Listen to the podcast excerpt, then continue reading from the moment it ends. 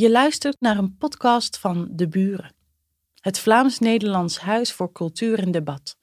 De Buren biedt je gratis originele registraties van debatten en lezingen aan en heeft een uniek literair audioaanbod. Welkom iedereen bij De Buren Online. Welkom uh, bij deze uh, discussie over thuiswerk. Uh, het nieuwe normaal is de titel. Dit is natuurlijk een heel actueel onderwerp. Zoals u ziet, zitten wij ook allemaal thuis. Um, en ik heb mijn kinderen ook verboden om deze kamer binnen te komen. Waarschijnlijk ook iets wat jullie allemaal bekend voor zal komen. Um, dit is natuurlijk een heel actuele discussie nu, maar het is niet, komt niet zomaar uit de lucht vallen, want de buren organiseert regelmatig programma's uh, zoals u weet uh, is onze belangstelling vooral uh, uitwisseling tussen Vlaanderen en Nederland op allerlei gebieden. Niet alleen cultureel, maar ook op het gebied van maatschappelijke debat. En we hebben al regelmatig debatten georganiseerd over allerlei onderwerpen die met de arbeidsmarkt in Vlaanderen en Nederland te maken hebben. maar ik verdwijn zo meteen uit het beeld. het debat wordt geleid door Timothy Vermeer. Hij is journalist en uh, hoofdredacteur van uh, eh, HR Square, wat een, uh, ik denk dat ik moet zeggen, platform is en online tijdschrift, wat met human resources te maken heeft. Um, en um, Timothy leidt het debat en zal de sprekers aan u voorstellen en ligt ook de procedure vanavond toe. Aan het eind kom ik nog heel eventjes terug, maar ik geef nu graag het woord aan Timothy. Dankjewel, uh, Xander. Uh, even aanvullen, uh, eh, HR Square is ook nog lekker oldschool, een papieren tijdschrift voor al wie dat nog fijn vindt om te lezen. Voilà, ook van mijn kant hartelijk welkom aan de mensen ja, thuis veronderstel ik, net zoals iedereen. Ik zie jullie niet, ik zie enkel onze panelleden. we gaan het vandaag hebben over thuiswerk. Sinds maart, sinds die verschrikkelijke, dat verschrikkelijke virus ook de lage landen bereikt heeft, uh, is thuiswerk een zeer actueel onderwerp, want we zijn allemaal toch voor bepaalde periodes al verplicht geweest om uh, thuis te werken in plaats van gezellig naar kantoor te gaan. Nu, um, als we het over thuiswerk hebben, dan moeten we meteen een eerste opmerking maken. Het is te zeggen, niet iedereen kan thuiswerken. Uh, ik ben zeer blij dat er een aantal mensen in de ziekenhuizen niet aan het thuiswerken zijn, zodat ze tenminste daar ook de zorg kunnen bieden die daar nodig is. Uh, maar ik kan me ook voorstellen dat in de, de, de koekjesfabriek en in de auto-assemblage mensen gewoon aan het werk zijn. Als we het vandaag hebben over medewerkers die kunnen thuiswerken, gaat het uiteraard over de mensen die de luxe hebben of de mogelijkheid hebben om dat ook effectief te doen. Ik zei het al, uh, van in maart is het een zeer actueel onderwerp en werd er al uh, direct met zeer grote woorden over thuiswerk gesproken. Dus te zeggen, uh, de, de, de pandemie was nog maar een epidemie en Twitter en Facebook en noem maar op in Silicon Valley hadden al, het, waren al aan het orakelen dat thuiswerk het nieuwe normaal zou zijn en dat we voor eeuwig en altijd in ons kot zouden blijven om onze voormalige Vlaamse, uh, Belgische minister uh, van Volksgezondheid te parafraseren.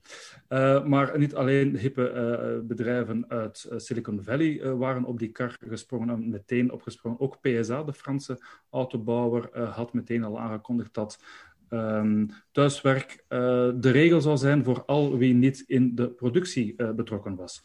Wat ook wel over zeer veel mensen gaat. En PSA, traditionele industriële speler, geen social media bedrijf zoals uh, Facebook of Twitter.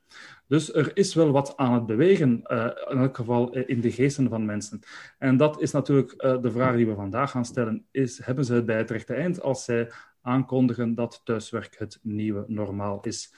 Dat is een vraag die we vandaag gaan beantwoorden. Nu, ik ga dat niet doen. Daarvoor hebben we drie uh, zeer intelligente en erudite mensen uh, uitgenodigd. Uh, u ziet hun naam normaal gezien ook onder, onderaan het beeld, de verschillende beelden die u hebt. Dus u, weet wie wie is, uh, voor mocht u dat niet bekend zijn. Uh, Pascal Peters, uh, bij mij staat ze linksbovenaan. Ik weet niet waar ze zich bevindt op jullie scherm. Maar zij is hoogleraar strategisch Human Resources Management aan de Nijenrode Business Universiteit. Vertelde me daarnet dat ze al toch zo'n twintig jaar bezig is met het thema van thuiswerk. en alles wat daar ook mee te maken heeft. Um, gaan van duurzaam HRM, autonomie, uh, welzijn van medewerkers en dergelijke meer. Uh, als het gaat over de voor- en nadelen voor medewerkers en organisaties, dan uh, zal zij de persoon zijn aan wie wij al onze vragen kunnen stellen. Dan hebben we ook Jan de Nijs. Jan de Nijs is in Vlaanderen een zeer gekende stem. Hij is directeur Corporate Communications en Public Affairs bij Randstad. Gekende stem in media, in de kranten, de tijdschriften, op televisie en uiteraard Jan ook op Twitter laat je van je horen als het gaat over arbeidsmarkt zeer welgekomen, uh, ook al zit ook jij uh, in je kot. En uh, tot slot Vic van Kerrebroek, die is vakbondssecretaris bij ACW Puls. ACW Puls is de nationale ehm, vakbond voor bedienden. zeg ik het goed, Vic? Bedienden en kaderleden. ja, voilà, bedienden en kaderleden. En uh, houdt zich heel specifiek bezig met de financiële sectoren, de banken, de verzekeraars. En dat zijn natuurlijk ook sectoren waar thuiswerk uh, meer dan in de zorgsector uh, bijvoorbeeld mogelijk is. Hij is van opleiding jurist en onderhandelt voor de vakbond over allerlei cao's en kan die ook tekenen. Ter verduidelijking voor de mensen in Nederland die misschien niet weten wat een secretaris allemaal doet of een vakbondsecretaris uh, in dit geval. Voilà, uh, nog een aantal uh, heel praktische afspraken voor we er meteen induiken. Um, als er vragen zijn van jullie, dan zijn die zeer welkom. jullie zijn allemaal gemute en ik kan jullie ook niet zien, maar er is wel een chat en een Q&A-functie. Gebruik gerust één van beiden, al naar gelang wat u het liefst hebt. Um, en dan uh, volgen we dat wel op. Um, die vragen kunnen onmiddellijk aan bod komen als ik vind dat het onmiddellijk uh, gesteld moet worden. Maar als ik weet van dit is iets dat later nog aan bod komt, dan sparen we ze even op en dan kan ze, uh, wordt ze nadien wel gesteld. Sowieso zullen we op het einde nog een rondje doen van de overgebleven vragen en zullen we ze voorleggen aan de mensen die daar best toe geschikt zijn. Ik probeer ook de timing in het oog te houden hebben anderhalf uur gekregen van Xander. Ik heb me al verontschuldigd uh, bij de drie panelleden. Uh, ik ga meestal over mijn toegemeten tijd. Uh, als het interessant is, dan is het interessant. En ik ben te wel opgevoed om mensen de mond te snoeren. maar we gaan toch hartstikke ons best doen om ons aan te houden. Um, wat ik ook nog kan zeggen, en dat geldt voor uh, alle panelleden, ook ik werk thuis. Uh, daar, die kant, zitten uh, twee heel brave jongens. ze zwaaien zelfs even naar mij. ze zijn in stilte bezig. ze hebben beloofd om dat zo te houden. Het kan zijn dat u ze straks hoort. Kijk, dat is ook de realiteit van thuiswerk. Ik kan me voorstellen dat dat bij de anderen ook misschien het, het geval is. Voilà, dat is meer dan genoeg van mij om mee te beginnen. nu is het aan jullie, en ik bedoel nu niet eens de panelleden, maar ook de deelnemers. Want we willen ook wel eens weten hoe het zit met uh, thuiswerk bij jullie. Er zijn uh, eh, 23 deelnemers, dat wil zeggen dat we de 23 uh, eh, stemmen willen voor onze eerste vraag. Voilà, klik, die zal nu op jullie scherm moeten verschijnen. Het gaat over thuiswerk, maar laten we wel wezen voor maart 2020. Het is te zeggen, in temporo non suspecto voor u moest thuiswerken, ging u, uh, werkte u dan wel eens thuis? Uh, nooit, zelden, regelmatig, vaak, altijd. Um, de panelleden mogen ook klikken, maar ik kan het dan ook gewoon vragen. Vic, ben, was jij voor de, het coronavirus een enthousiaste thuiswerker of was jij toch iemand die liever naar kantoor ging? Nee, ik, uh, ik, ik, ik, was voor de coronacrisis ook iemand die graag, uh, als dat past, thuis werkt. Ik vond dat uh, heel voordelig. Ik, ik, ben ook iemand die veel op de baan is. dus van Brussel, Antwerpen, Mechelen. En wanneer het mij uitkwam, kon ik perfect even, even thuis pauzeren en ondertussen ook thuis werken. Ik vond dat een fantastisch systeem. En ja, nu is dat alleen maar uitgebreid natuurlijk. Um, Pascal, uh, u moet natuurlijk als hoogleraar ook lesgeven. Ik veronderstel dat dat voor uh, de coronacrisis uh, gewoon in een aula was. Ehm, maar daarnaast een, een, een veelvuldig thuiswerker? Ja, ik heb altijd wel veel thuis gewerkt, omdat als je moet schrijven, dan wil je ook concentreren. En dan kan je thuis je deur dicht doen en, en echt focussen en uren maken. En dat, dat kan beter thuis dan op het werk. Ja. Dus ik werkte denk ik wel meer dan twee dagen per week al thuis. Mm en Jan, ik zie dat je daar uh, in je bureau zit. Wat doet vermoeden dat jij ook uh, uh, wel veel thuis werkt? ik ben een fervente thuiswerker, al, al bijna voor het woord uitgevonden was. Hè, toen ik nog op het, op het Hoger Instituut voor de Arbeid werkte. Pascal heeft het daarnet ook al gezegd, om, om het uitschrijven, uitschrijven van rapporten. Ja, in de jaren negentig, we hadden nogthans wel ons eigen bureau en zo, maar je werd toch ook al veel gestoord op je werk. En uh, dus ik, ik werkte eigenlijk al thuis, eigenlijk vooraleer dat uh, de technologie en noem maar op, eigenlijk al uh, heel sterk was doorgedrongen. bijvoorbeeld om geconcentreerd te kunnen werken. Hè. en vandaar, ik was arbeidsmarktonderzoeker, dat ik eigenlijk ook redelijk snel al met het thema bezig was. Mm -hmm. Ja, op een ogenblik dat het eigenlijk absoluut nog, nog, nog geen thema was. Dus ja, het is iets wat me bijzonder aan het hart, nou aan het hart ligt. Uit de uh, resultaten van onze uh, mini-peiling, uh, ons totaal onwetenschappelijk onderzoek, blijkt dat jullie volledig in lijn liggen met de meerderheid van de deelnemers aan dit, aan dit debat, waarvan 45%, dus toch bijna de helft, zegt regelmatig thuis te werken. En dan zie je 18% vaak, 9% twee mensen die altijd thuis werken dat zijn misschien bakkers uh, die, die, gewoon boven de bakkerij wonen. Dat kan natuurlijk ook. Uh, maar toch ook vier mensen die nooit uh, thuis werken. Dat is toch ook een, een opvallend cijfer. Nu, ik, mm. ik zeg het normaal, je moet meer informatie hebben. Maar dat... Um, het zijn misschien mensen die dat niet kunnen, maar het is wel opvallend dat er een aantal eh, mensen zijn. Uh, Jan, jij bent uh, arbeidsmarktonderzoeker. Vertel eens over de evolutie van thuiswerk. Eh, heb je daar een idee van hoe dat had geëvolueerd is de afgelopen jaren? En opnieuw, pre-corona, want corona heeft alles om, omgegooid ja, natuurlijk. Ja, um, wel, thuiswerk, telewerk, hè, um, was bestaat al lang. Hè, bestaat eigenlijk al van, van de, wordt al melding van gemaakt. Uh, ja, eind jaren 70, jaren 80.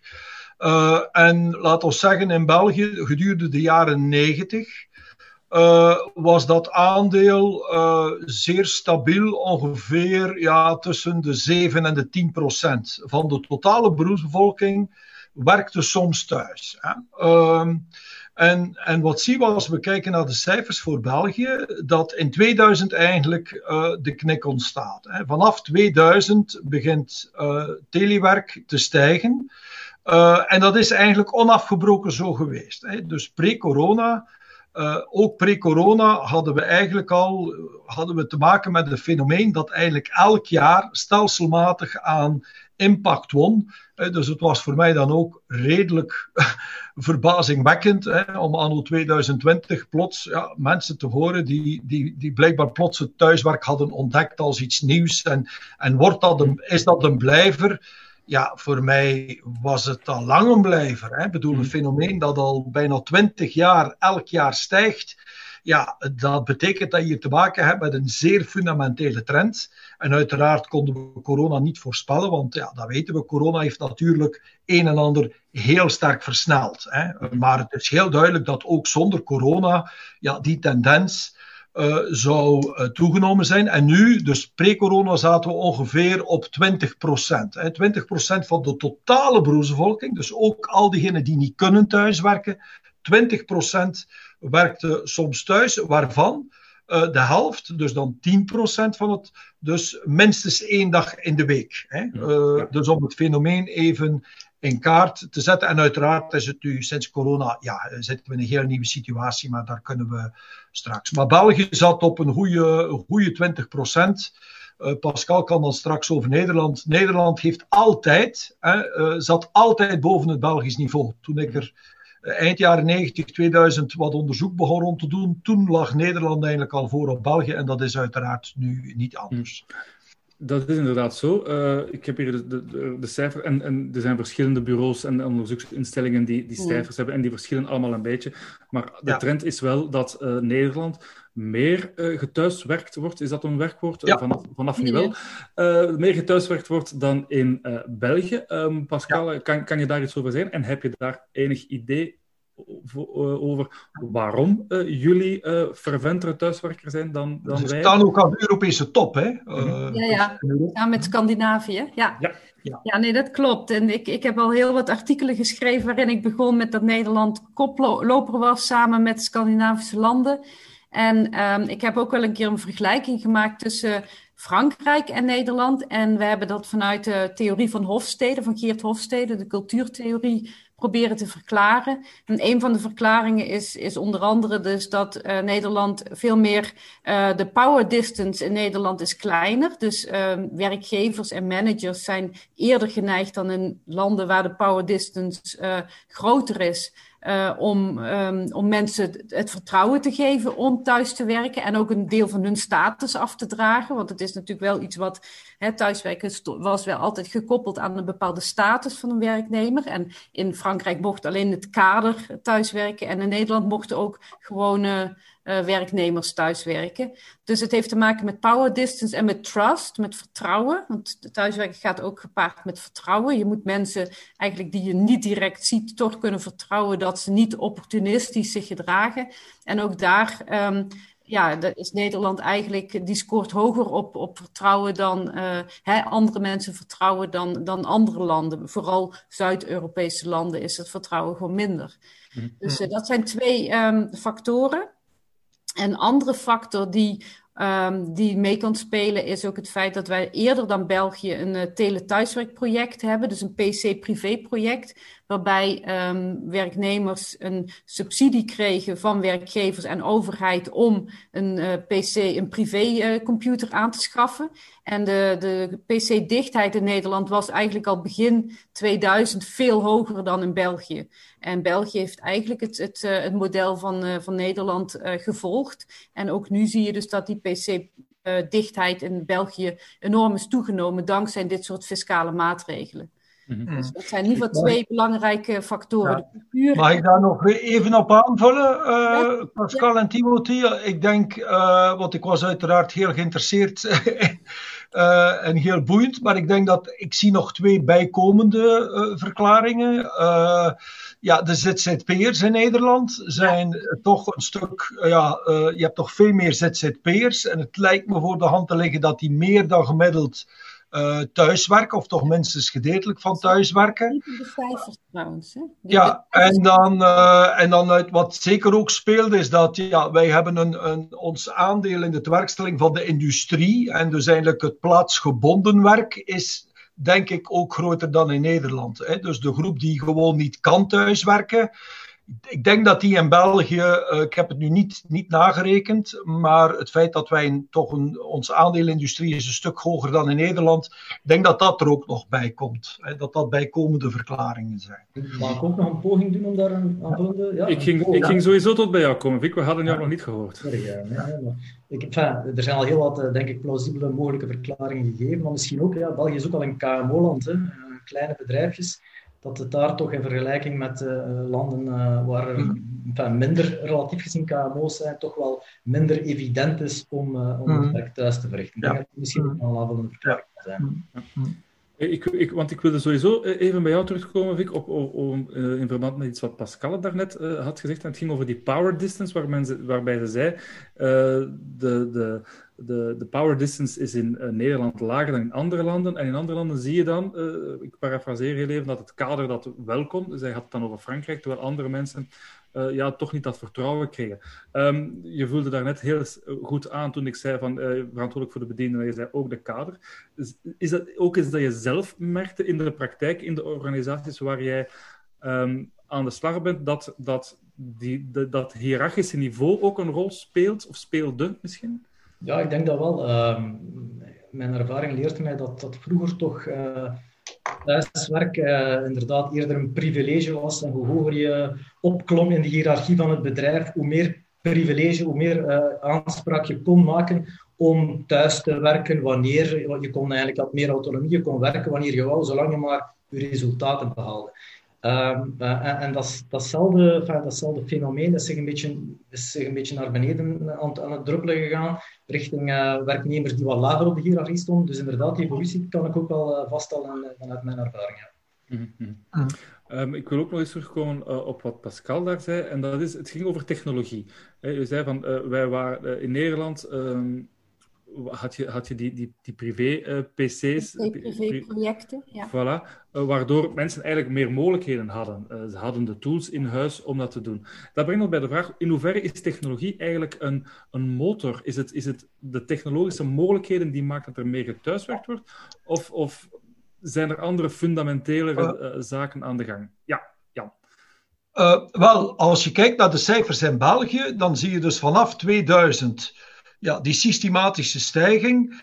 Ja, dat, uh, en dat, dat een hele. Je ziet dat in de jaren 90 echt slabakken. Dat blijft eigenlijk absoluut op hetzelfde niveau. Dat verandert niks. En vanaf 2000 gaat die stijging in. Ja, rond 2000. Ja, dan, ik denk dat daar dan de technologie uh, moeilijk uh, ja, kan, kan ontkend worden. Hè. Dus de technologie heeft een belangrijke rol gespeeld. Maar uiteraard is dat nooit de enige factor. Hè. Dus het soort werk, hè, het feit, het kenniswerk dat toeneemt. Hè, dus het, het, het, ja, het, het, het creatief bezig zijn, hè, moeten nadenken over de dingen, moeilijke probleem. Ja, dat soort werk is ook toegenomen. De, kwali de, kwalificaties van onze werknemers zijn ook toegenomen. Het zijn allemaal factoren die meegespelen. En dan niet te vergeten, hè, dus na verloop van tijd hebben ook bedrijven, maar in, in, mijn analyse zijn de bedrijven eigenlijk redelijk, redelijk laat geweest om op de trein te springen. Het is pas nadat dat zich een beetje had ontwikkeld uh, in het personeelsbestand, heel dikwijls niet. Uh, uh, dat denk ik is heel interessant om misschien nog later even op door te gaan. Uh, heel wat bedrijven kenden, kenden thuiswerk, telewerk.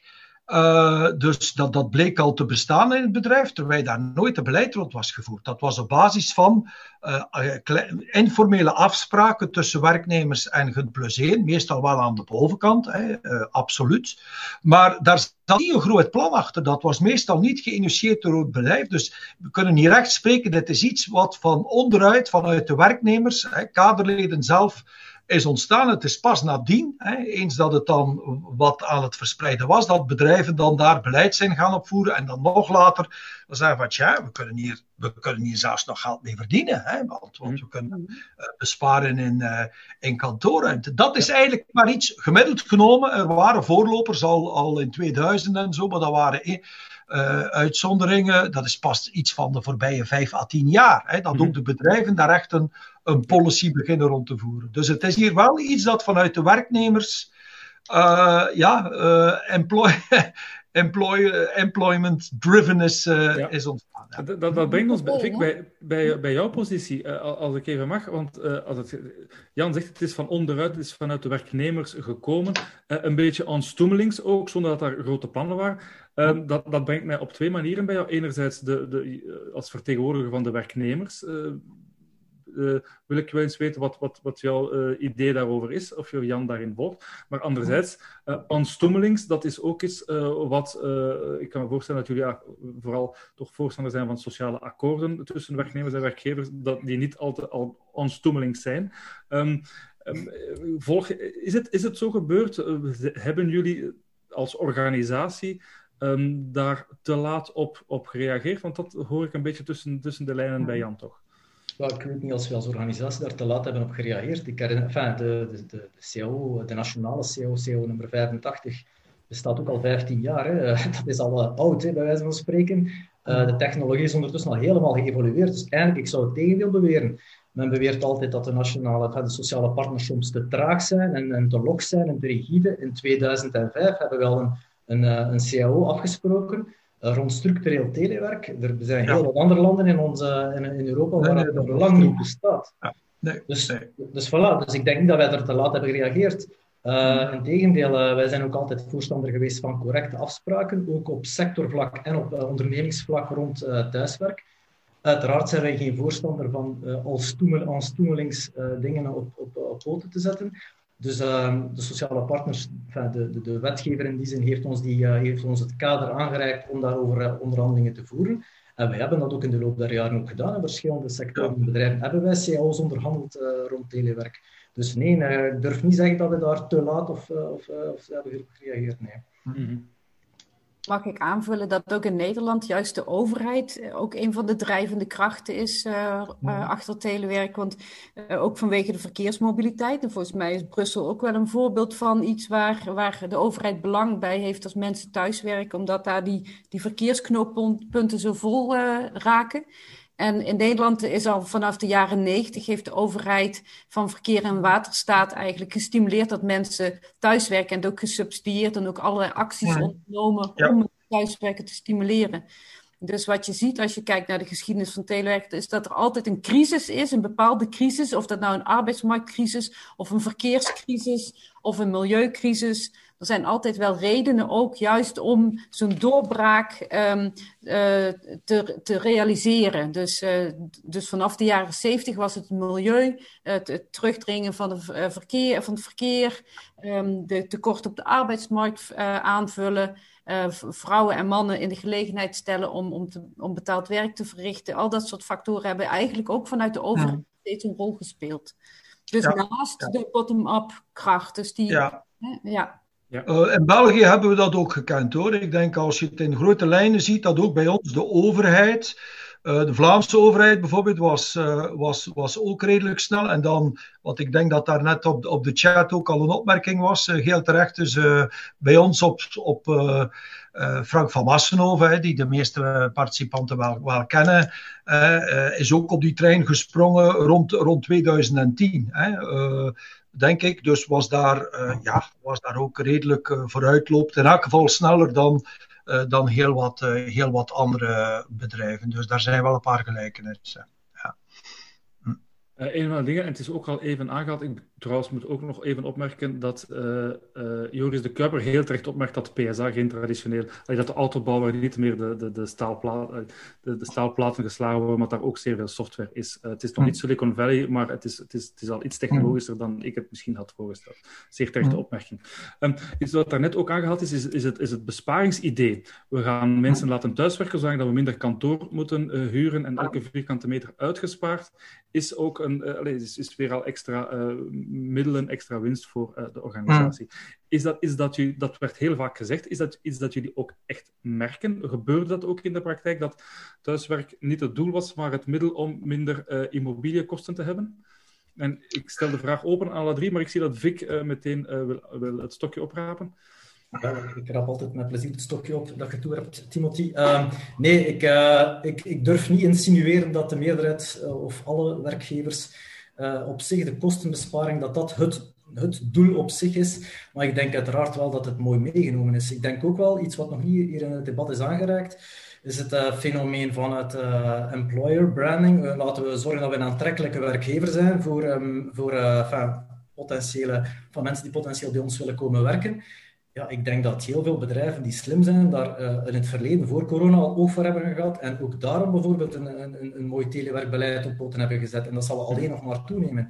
Uh, mm. En en cours de route natuurlijk, ja, als de, de, de CFO en de, de, financiële analist er keek, naar, naar ging kijken, bleek ook wel dat dat inderdaad mooi meegenomen was. Hè. Minder kantoorruimte.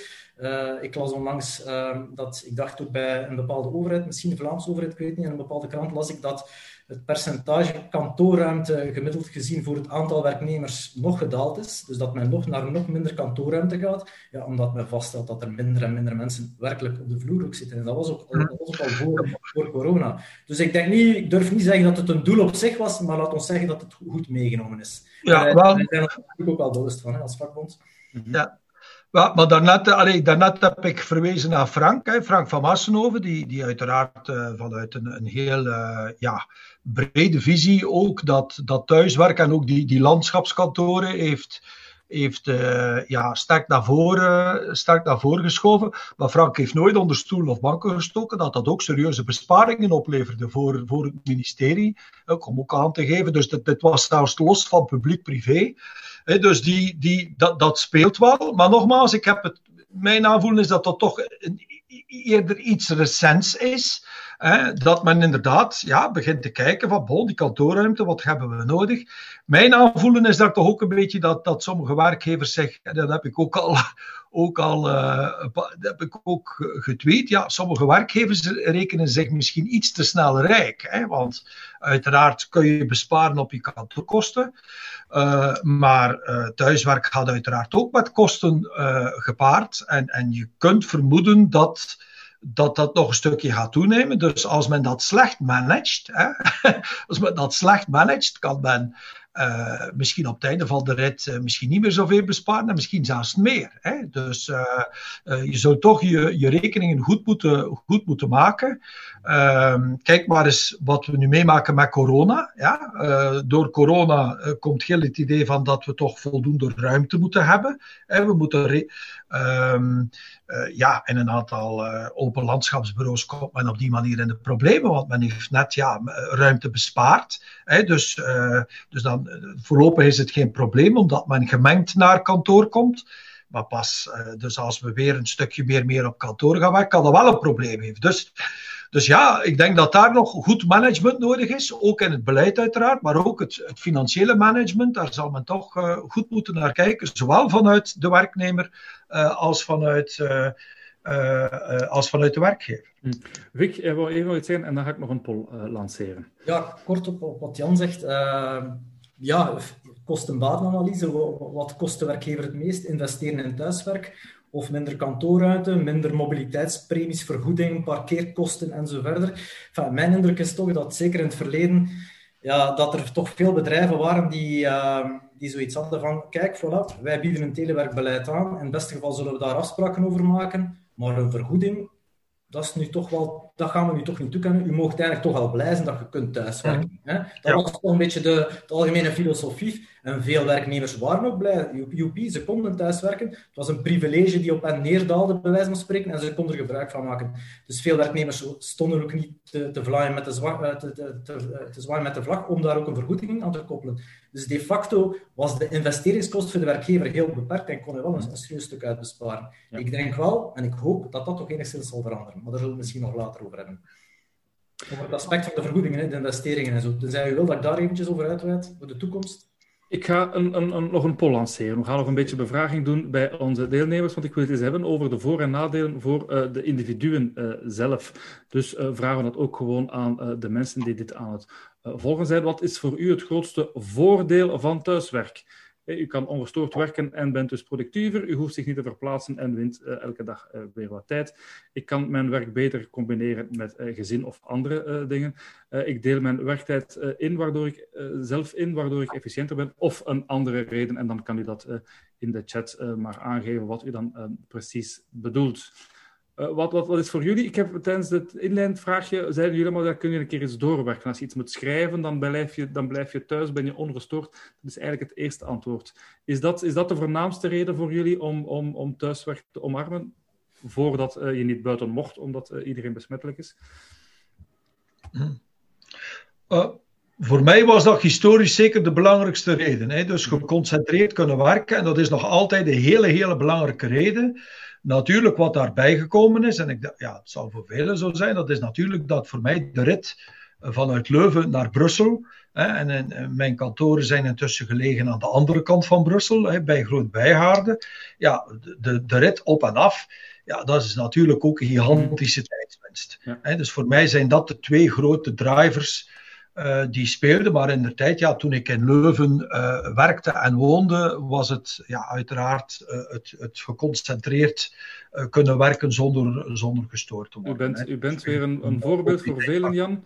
Want Wat zegt? Dat, dat, dat je weer helemaal in lijn bent met, met onze deelnemers, want ook dat, ja. het, het, de tijdwinst van de verplaatsing en het ongestoord werken zijn toch ja. de twee grootste voordelen. Uh, combinatie werk en gezin, uh, toch ook 19%. Ja. Dat is toch uh, 1 op 5, is ook ja. niet onbelangrijk. En ook iemand die aangeeft dat het voornaamste voordeel is werktijd zelf te kunnen ehm, indelen. Voilà. Ik ga er meteen ook, want wie voordelen zegt, die zegt ook nadelen. wat is voor u het grootste nadeel van thuiswerk? Daar is wacht, ik moet even kijken, want er is iets verkeerd gelopen met de polls. Uh, die vraag uh, die is uh, niet correct ingegeven in de polls. Dus ik ga misschien gewoon even een rondje doen. Pascal, wat is voor jou? En, en misschien moeten we het niet over u als individu hebben, maar misschien in het algemeen. U, u, hebt daar onderzoek naar gedaan. Wat zijn de grootste valkuilen in het geval van, van thuiswerk? Zijn er een aantal dingen waar mensen typisch tegenaan lopen? Ja, het is een voor- en een nadeel tegelijk. Ik denk dat heel veel mensen langer doorwerken dan eigenlijk goed voor ze is. Dus dat ze, dat ze juist langere uren maken. En er is net een onderzoek geweest van, van Mark van Veldhoven en een ehm, collega-onderzoeker van Veldhoen en Co. En zij hebben dus ook gevonden dat bijvoorbeeld, en dat zag je ook wel vooral vroeger terug, als de technologie het niet doet, dan, dan, dan, dan erger je je blauw. Dus dat soort dingen, dat zijn dus ook uh, nadelen van thuiswerken. Dus ik weet ook dat mijn man hier nog wel eens uh, thuis werkte in het begin toen ze het nieuwe werk hadden ingevoerd. En toen deed de technologie het ook niet. En dan, dan, uh, dan zit je eigenlijk wel te balen eigenlijk. Dus... Ja, maar het, het, ik denk dat de grootste valkuil is dat werk en privé door elkaar heen gaat lopen en dat je te lang doorwerkt. Dat is ook, uh, Vic, en ik wil, ik wil dat even doorgeven aan jou, dat is ook iets dat je vaak hoort. Hè. Uh, mensen kunnen uh, overdag inzet voor de privé doen en, en, en, zijn dan ook geneigd om s'avonds door te werken. Maar mensen ervaren ook heel veel druk eh, van ik heb nu dit voorrecht gekregen om thuis te werken, ik heb dat vertrouwen gekregen, ik moet zeker zien dat ik, dat het, dat vertrouwen niet beschaam. Dus in plaats van die acht uur zal ik er maar acht en half doen, dan is mijn baas zeker tevreden. Merk jij dat ook in de praktijk, dat dat, dat, dat gebeurt? Absoluut. Uh, mensen gaan, enfin, elk onderzoek wijst dat ook uit, ik denk dat collega's dat zullen beamen. Hè. Uh, mensen die thuiswerken, die werken nu eenmaal langer. Uh, al was het maar om de reden die u net komt te benoemen. Mensen hebben zoiets van, ja, ik krijg dat hier, dus ik zal zeker ervoor zorgen dat mensen niet denken dat ik hier eh, minder ga werken of de kantje er loopt. Zijn tegendeel, die gaan meer werken.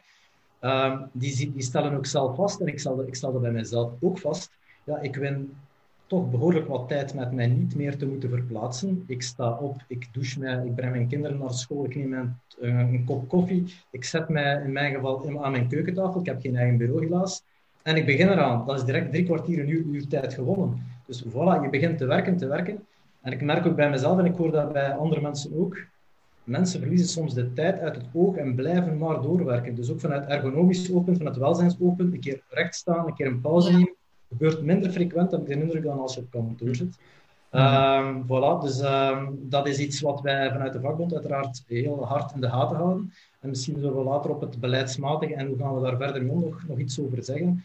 Maar het, uh, het aspect werk-privébalans, hoe kunnen wij dat enigszins bewaken? Hoe gaan we om met arbeidstijd? Wat, is, wat, wat betekent het concept arbeidstijd nog als je als twee, drie dagen per week thuiswerkt? Gaan mensen effectief enkel nog uh, geëvalueerd ge worden op basis van hun output? En doet het aantal uren dat je thuis of op kantoor werkt er eigenlijk niet meer toe? Dat zijn toch fundamentele vragen die ah. wij stellen en waar dat wij denken een goed antwoord op hebben. Hm. En, en, Pascal, zijn dat ook de vragen die, die, die, die, die moeten gesteld worden? Zijn dat vragen die organisaties maar uh, in overleg met hun werknemers moeten stellen? Naar waarop gaan we evalueren, evalueren sorry, wat, uh, wat kunnen we verwachten, hoe kunnen we ervoor zorgen dat mensen die, um, die grens tussen uh, privé en werk toch op enige manier uh, kunnen behouden. Zoals ik zei, ik werk hier heel vaak. Uh, dat is wel, wel geteld drie meter uh, van mijn, mijn zitkamer. Dus dat is, er is geen grenswerk privé in dit geval. Ah, maar, maar, mag ik daar toch, toch geen opmerking ja, doormaken? Dus het, allee, het, is absoluut zo dat je van de punten van, en ik spreek nu echt uit ervaring, als ervaringsdeskundige, dat is dat werk en privé door elkaar loopt. Uh, dus werk, en, en dat hoor je inderdaad bij, komt in alle onderzoeken naar boven. Uh, maar maar um, wat wij vaststellen, ook uit ons eigen onderzoek, is dat een deel van de werknemers vindt dat fijn, hè, vindt dat prima. Die hebben daar eigenlijk geen issue mee. Vinden dat, dat hè, dus dat is toch een stukje ja, tijdsonafhankelijk werken. Hè, dus ze werken ook op minder klassieke uren en dat loopt inderdaad allemaal een beetje door elkaar. Maar een deel van de werknemers vindt dat heel fijn. Hè. Uh, anderen niet. Hè. Uh, dus voor sommigen is dat door elkaar vloeien niet, niet problematisch voor de work-life balance in het algemeen, voor anderen wel. Dus we moeten heel goed opletten als we de problemen benoemen. Ja, uh, work-life balance is niet helemaal hetzelfde als, de, als zaken die door elkaar lopen. Voor hmm. sommigen komt dat samen, maar dat is zeker niet de veralgemene. Sommigen vinden dat prima, hè, vinden dit uh, eigenlijk heel fijn en, en willen zeker niet terug naar de oude 9 to 5, terwijl mm -hmm. dat anderen zijn die ja. nee, ik zou toch wat, wat meer scheiding willen en uh, in thuiswerk lukt dat moeilijker. Ik heb toch een beetje het gevoel, ja, dat is toch een kwestie van een beetje management, een beetje opleiding. Uh, als we dat beter aanpakken, eh, beter managen, ook vanuit de bedrijven, dan denk ik dat je toch wel een flink deel van die problemen moet kunnen oplossen. Dus ik denk dat veel van die zaken met de tijd uh, toch, uh, toch beter zullen lopen. Ja, Vic, jij wil, jij wil even uh, tussenkomen. En dan kom ik bij jou, Pascal. Ja, ja, ja. Ja, dus wat, wat Jan zegt klopt wel. En ik lees dat ook wel in de literatuur de, de laatste weken. En dat het natuurlijk een hot topic is geworden. Dat je een onderscheid moet maken tussen wat men noemt de zogenaamde separators en de integrators. Misschien hebben jullie er al van gehoord. Hè? Dus uh, iedereen uh, zou zich... Ik, enfin, ik heb niet graag dat mensen in een hokje gestoken worden. Ik spreek ook mezelf en andere mensen ook niet graag in hokjes. Maar blijkbaar als je dan toch die twee hokjes hebt, zou je mensen hebben die, die energie krijgen van dingen door elkaar. En dat maakt niet uit maar, maar ik denk dat de grootste groep, dat blijkt ook uit onderzoek, toch wel eerder separators zijn. Mensen die toch graag het onderscheid blijven behouden tussen werk en privé.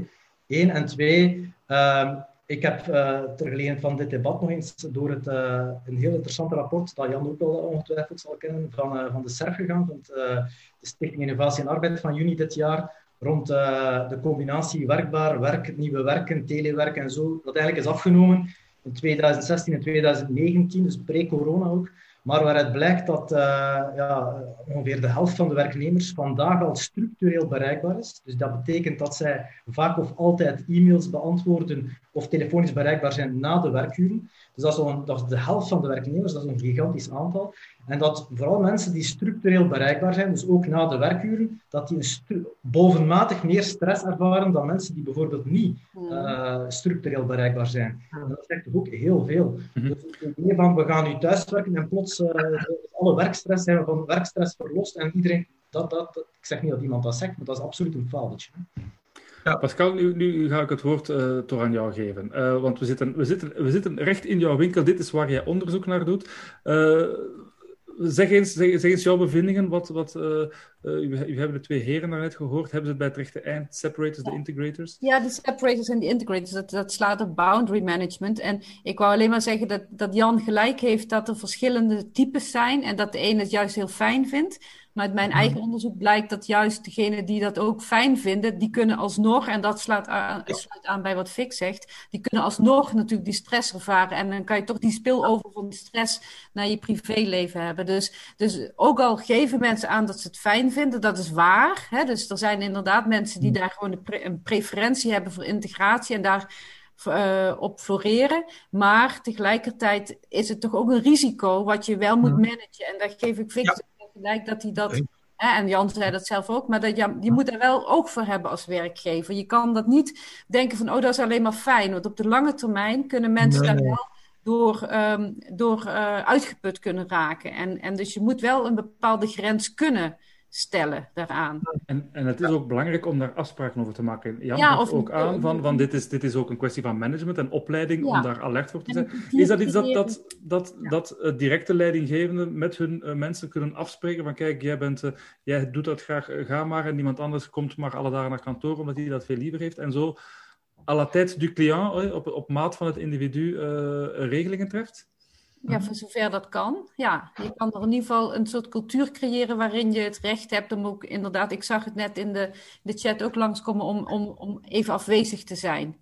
Want je kan als organisatie niet verwachten dat iedereen zaterdag en zondag ook en in de avonden bereikbaar is. En sommige organisaties gaan daarvan uit, maar ik denk dat dat eerder een uitzondering moet zijn dan een, dan een, um, dan een, een, een, ja, een plicht. Mm -hmm. uh, maar dat moet van de andere kant mensen ook niet beletten om die flexibiliteit te benutten wanneer zij daarvoor kiezen. Dus daar zit eigenlijk het verschil. Van wanneer kies je er zelf voor en wanneer wordt het ook opgedrongen. En zelfs als je kiest, moet je denk ik ook nog alert zijn dat het je op de lange termijn niet uitput.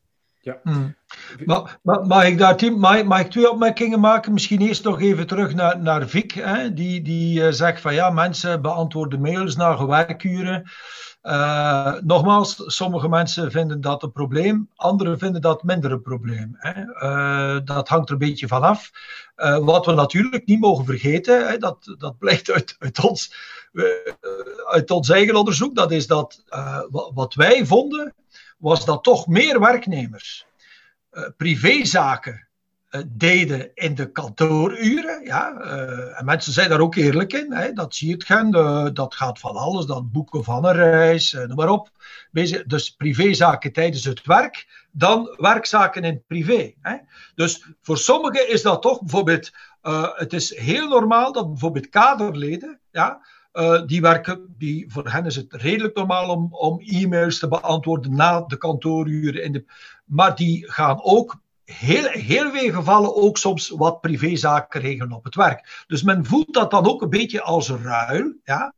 Uh, dus dat moet je, daar moet je dan wel voorzichtig mee zijn. Als je zegt nee, het kan niet, we gaan heel strikt zijn. Ja, goed, dan, dan moet je opletten. Hè, dan, ga je misschien ook een aantal andere zaken in beweging zetten. Er zijn bedrijven die daar heel strikt in zijn. Die zeggen, niks, Colruyt bijvoorbeeld hè, is, een, is een bedrijf heel strikt. Buiten de werkuren, uh, ja, tijdens, de privé, tijdens de werktijd geen privézaken en omgekeerd. Dus men, men zet daar een soort Chinees, Chinese wall. Ja, ik, ik persoonlijk zou me daar niet zo goed in voelen. Hè. Ik bedoel, ik, ik, ik, ik heb toch het gevoel als ik om acht uur wil werken, dan, dan wil ik werken. Ik, waarom zou mijn baas mij nu verbieden om te werken? Uh, en dan hoef ik daarom nog geen mail te sturen. Of zeker niet te verwachten dat iemand antwoordt. Hè. Dus je kunt heel wat werk doen zonder dat je meteen. Uh, dus ik denk wel dat dat, een, ja, dat dat een belangrijk punt is dat we dat we moeten meepakken, dat we moeten meepakken in de discussie. Hmm. Ja. Uh, en een tweede punt, ja, sorry, er was nog een tweede puntje dat je goed moet op. Die recht op deconnectie. Ja, ik, ik, ik zie het wel hè, en ik, ik, ik, ik, zie het punt. Maar ik zie het toch ook een beetje um, conflictueus met het, uh, de behoefte aan tijdsonafhankelijk werken. Ja? Uh, dus thuis is, we hebben plaatsonafhankelijk, maar veel mensen willen ook tijdsonafhankelijk. Dat betekent niet alleen in de kantooruren, maar als het mij uitkomt, s morgens vroeg, ik ben een ochtendmens. Anderen, nee, nee, liever s'avonds, want ik slaap graag. Want ja, als je natuurlijk claimt om tijdsonafhankelijk te kunnen werken, ja, uh, dan, dan wordt recht op deconnectie, hè, uh, zeker op een collectief vlak, ja, dan, dan wordt dat ietsje moeilijker. Hè? Want als uh, heel veel mensen vinden dat ze wel op, op buiten de kantooruren aan het werk moeten zijn, ja, dan lijkt het mij niet meer zo vanzelfsprekend dat je dan een algemeen afgedwongen recht op deconnectie hebt in een bedrijf. Dat je bijvoorbeeld na zes uur sowieso geen mail. Dus dat lijkt me toch een bron van spanning. Ja? Uh, maar ik hoor graag wat de anderen daarvan denken. Ik ook. Uh, Vic, zeg het eens. Je had net ja, wij, wij, als vakbonden zijn, uh, zijn, zijn er om spanningen op te lossen hè, en om, om een, oplossing te bereiken. Hè, en dat, dat doen we eigenlijk al jaren. Dus uh, ik spreek uit eigen ervaring. Ik heb al de afgelopen jaren verschillende CO's gesloten in de banksector en de, de verzekeringssector waar we wel degelijk een recht op deconnectie in een of andere vorm hebben, hebben afgedwongen. Hebben onderhandeld met de werkgever. Dit in combinatie met een systeem van al dan niet vrijwillig onafhankelijk werken.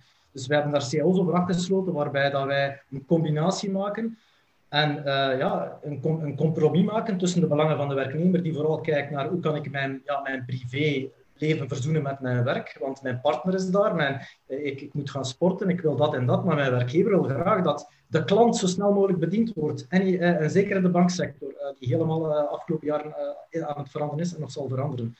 Dus we hebben daar al een overleg, CO's over afgesloten. En ik nodig jullie met plezier uit om die met mij een keer samen te bestuderen bij een kop koffie of zo. Ik denk dat jullie daar veel inspiratie kunnen vinden. En ik hoop dat andere bedrijven nu mee door de coronacrisis ook oog hebben voor het belang van sociaal overleg. En um, ja, daar, eh, daarin willen investeren om, om echt met ons rond de tafel te zitten om werkbare oplossingen daar rond te, kunnen afsluiten. Mm.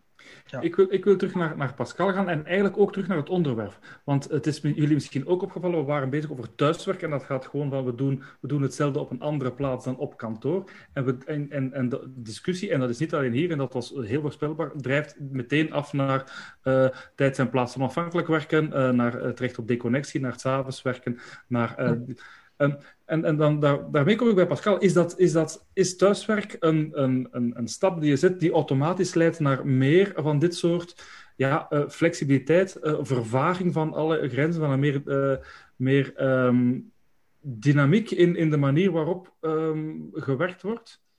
En dan bedoel je, sorry, maar eh, eh, bedoel je dan dat je ook op andere plekken kan werken dan alleen maar thuis? Dus ook andere plekken, andere of, tijden. Uh, S'avonds nog op de bank tussen twee afleveringen van de, de laatste nieuwe serie door snel nog een beetje mail sturen naar de mensen. het heel, allee, die discussie van thuiswerk is heel snel een discussie over de new way of working, zoals we dat vroeger ja, ja, ja. noemden, maar al, lang niet meer zo nieuw is natuurlijk.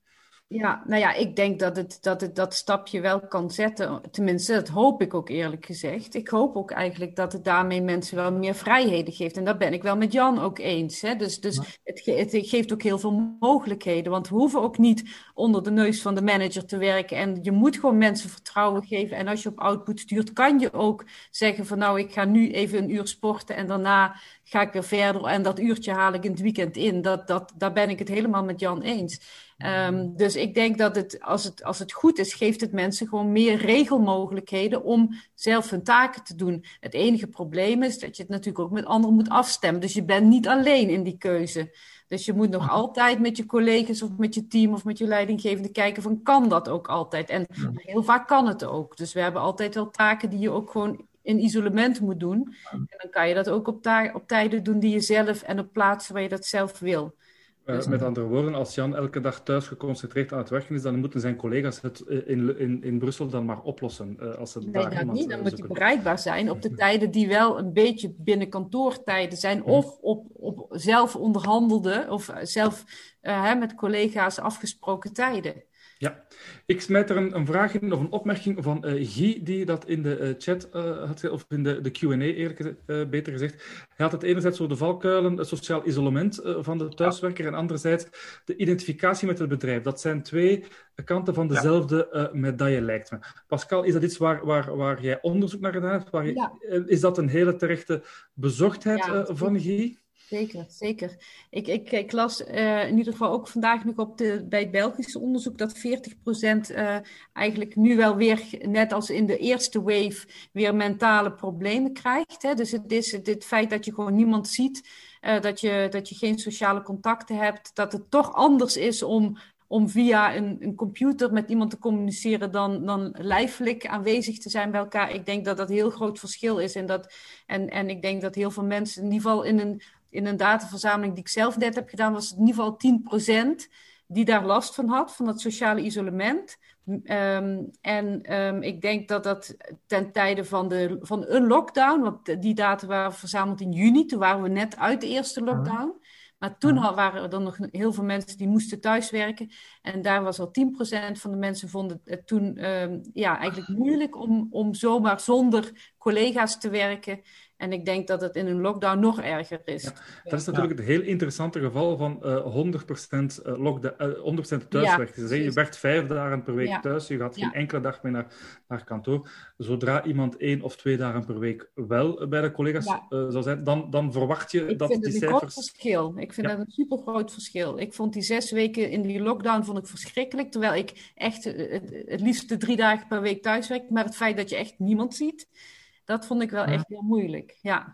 Ja, en ik zal toch ook de thuissituatie niet vergeten. Hè? We vergeten dat zeer veel mensen alleen wonen, alleenstaand zijn.